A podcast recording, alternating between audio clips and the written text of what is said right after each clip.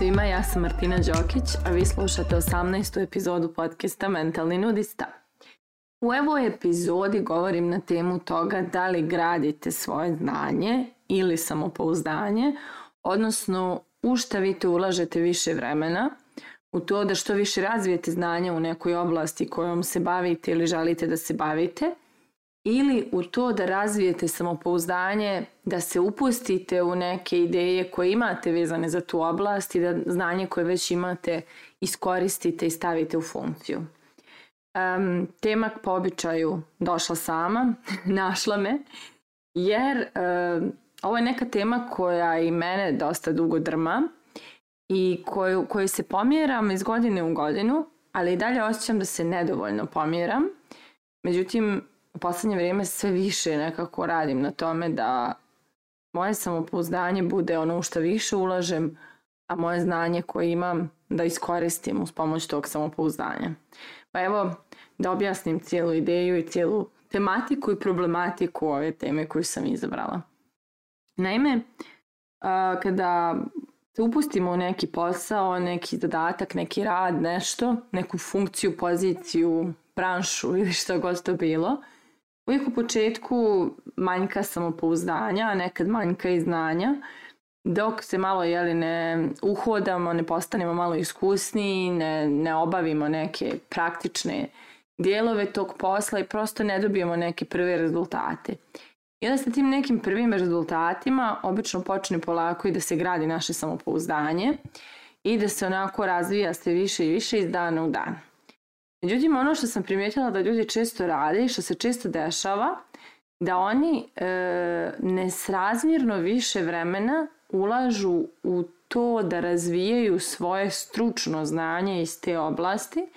dok samopouzdanje negdje krene da kaska, a tako sam ja bar okružena velikom, velikim brojem ljudi koji su izrazito talentovani, sposobni, imaju vrlo primjenjiva znanja, imaju ideje koje su značajne za, za, za mjesto gdje se nalaze ili za ovaj svijet, ali u njima ne postoji samopouzdanje da krenu za tim i da sve te ideje i sve, sve te pravce, sve to što su smislili uopšte ostvare. Tako da se negdje ova priča svede na to da koliko god mi stručni bili u nečemu, to nešto neće ugledati svjetlo dana i neće biti iskorišteno ukoliko naše samopouzdanje ne bude na nivou zadatka, odnosno koliko ne budemo imali dovoljno veliko samopouzdanje da svoje znanje i stavimo u branšu, u, u praksu, pardon. Tako da i sami znate koliko mi kada treba da krenemo sa nečim novim, nečim što nismo nikada radili, koliko je tu njačkanja, koliko je tu strahova, koliko je tu preispitivanja, da li će valjati, neće valjati, šta ako pogriješimo, šta ako zeznemo, šta ako ne uspijemo, šta ako ispadnemo glupi i tako dalje. Međutim, da bi uopšte nadvladali sve te strahove i da bi uopšte se upustili u to nešto, nama treba ne znanje, nego samo pouznanje.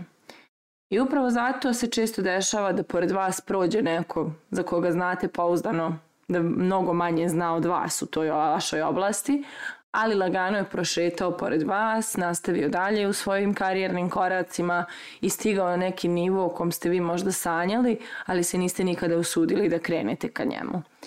Ja takođe sam neko ko je godinama mnogo više gradio svoje znanje iz ove oblasti kojom se bavim, a mnogo manje sam ulagala u svoje samopouzdanje, iako ste neminovno i ono razvijalo jeli, vremenom, ali i dalje je postojao nesrazmjeran odnos znanja i samopouzdanja. I onda mislim da sam ovaj, e, sada negdje stavila fokus da to svoje samopouzdanje ujednačim sa svojim znanjem, odnosno da u sebi iskreiram samopouzdanje uz pomoć kojeg ću dati svo znanje koje imam i iskoristiti sve ideje koje mi dođu i ostvariti ih bez straha šta će biti ako propadnem, ne uspijem, ispadnem glupa i tako dalje, jer imam samopouzdanje da ustanem i napravim opet i probam opet i prosto da svoje eh, svoju vrijednost ne vežem za grešku koju ću da napravim. I upravo iz tog mog rada na mom samopouzdanju nastao je ovaj podcast i počeli su da nastaju i neki drugi projekti koji će uskoro da se dese. Jer nekako meni lično je dosadilo da stojim u prikrajku i čekam neki pravi trenutak da ja budem ta neka osoba koja će da kaže nešto pametno, a imam mnogo toga pametno da kažem, ali sve se mislim moram da naučim još malo, moram da naučim još malo I onda tako učeći još malo i još malo, ostah ja u, sa gomilom znanja koji ničemu ne služi, odnosno i dalje služi u tom reonu u kojem sam se ranije kretala, to je da držim edukacije iz oblasti NLP-a, da imam svoje grupe u par gradova i kao to je to. A ja pravo da vam kažem, želim mnogo više. Želim da moj glas se čuje mnogo dalje i da ova znanja koja imam služe mnogo većem broju ljudi zato što su korisna i zato što znam da mogu da dotaknu mnoge živote kao što ja tome i svjedočim kroz svoje edukacije koje držim. Tako da, iako dok sam godine ja jele, provela gradeći svoje znanje, moje samopouzdanje nije bilo dovoljno da stane iza tog znanja i da ga gurne u vatru, da ga, da ga stavi u eter. I obično se to svima i dešava. Kada se osjećaju nesigurno, nastave da grade znanje a ne diraju u svoje samopouzdanje. Znači ljudi bukvalno kada osjete nesigurnost oni hoće još znanje, još znanje, još jednu edukaciju, još jedan program i još jedan način, još jedan projekat, još jedan klijent, još samo jedan mjesec, još, znači stalno još nešto, još nešto, još nešto. Opšte se ne radi o tome znamo li dovoljno. Jer verujte mi, svako od nas u ovom trenutku ima neko znanje ili neki talent ili neku ideju koje su vrlo korisne, značajne, iskoristive i, i, i značile bi ljudima i svijetu oko, oko nas, ali ljudi i svijet nisu tu ideju ili taj talenat ili to znanje čuli ni vidjeli, jer ta osoba nema samopouzdanje. Tako da svi vi u sebi nosite nešto vrijedno, vrijedno slušanja, vrijedno gledanja, ali niste još to stavili u funkciju, jer sve mislite nis, nisam dovoljno spreman ili spremna, treba mi još znanja, a u stvari samo treba više samopouzdanja. I meni je zato zapravo najbolji primjer uh, eh, kada uzmemo visoku modu i evo na primjer ja lično volim Coco Chanel u tim uh, redovima visoke mode. E kad uzmete jednu, na primjer, Coco Chanel torbu i znate otprilike te torbe vrijede od 1000 i po do 6, 7, 10 1000 eura pa i više, a te torbe rade istu funkciju kao i ona torba koju možete da kupite u Zari ili u Teranovo ili kod Kineza, nebitno. Znači torba kao torba, u nju stavite stvari i nosite sa sobom.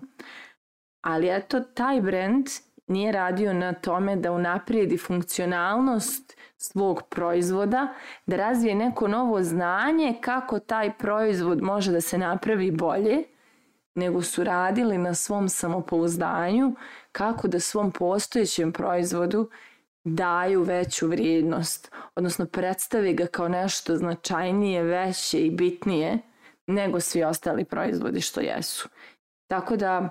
tako vam funkcionišu brendovi koji su jaki, oni, oni grade svoje samopouzdanje, a ne samo znanje. I znači, da, unapređuju nekad neke funkcionalnosti, dodaju neke nove uh, inovativne stvari na svoje proizvode, ali uglavnom mnogo više rade na svom samopouzdanju i na tome kako će predstaviti svoj proizvod i koliko će snažno stati iza toga koliko je dobro to što oni rade. I u tome je cijela tajna.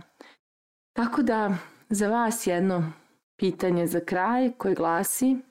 da li više gradite svoje znanje ili svoje samopouzdanje. Mislite o tome a mi se družimo v narednem podkastu.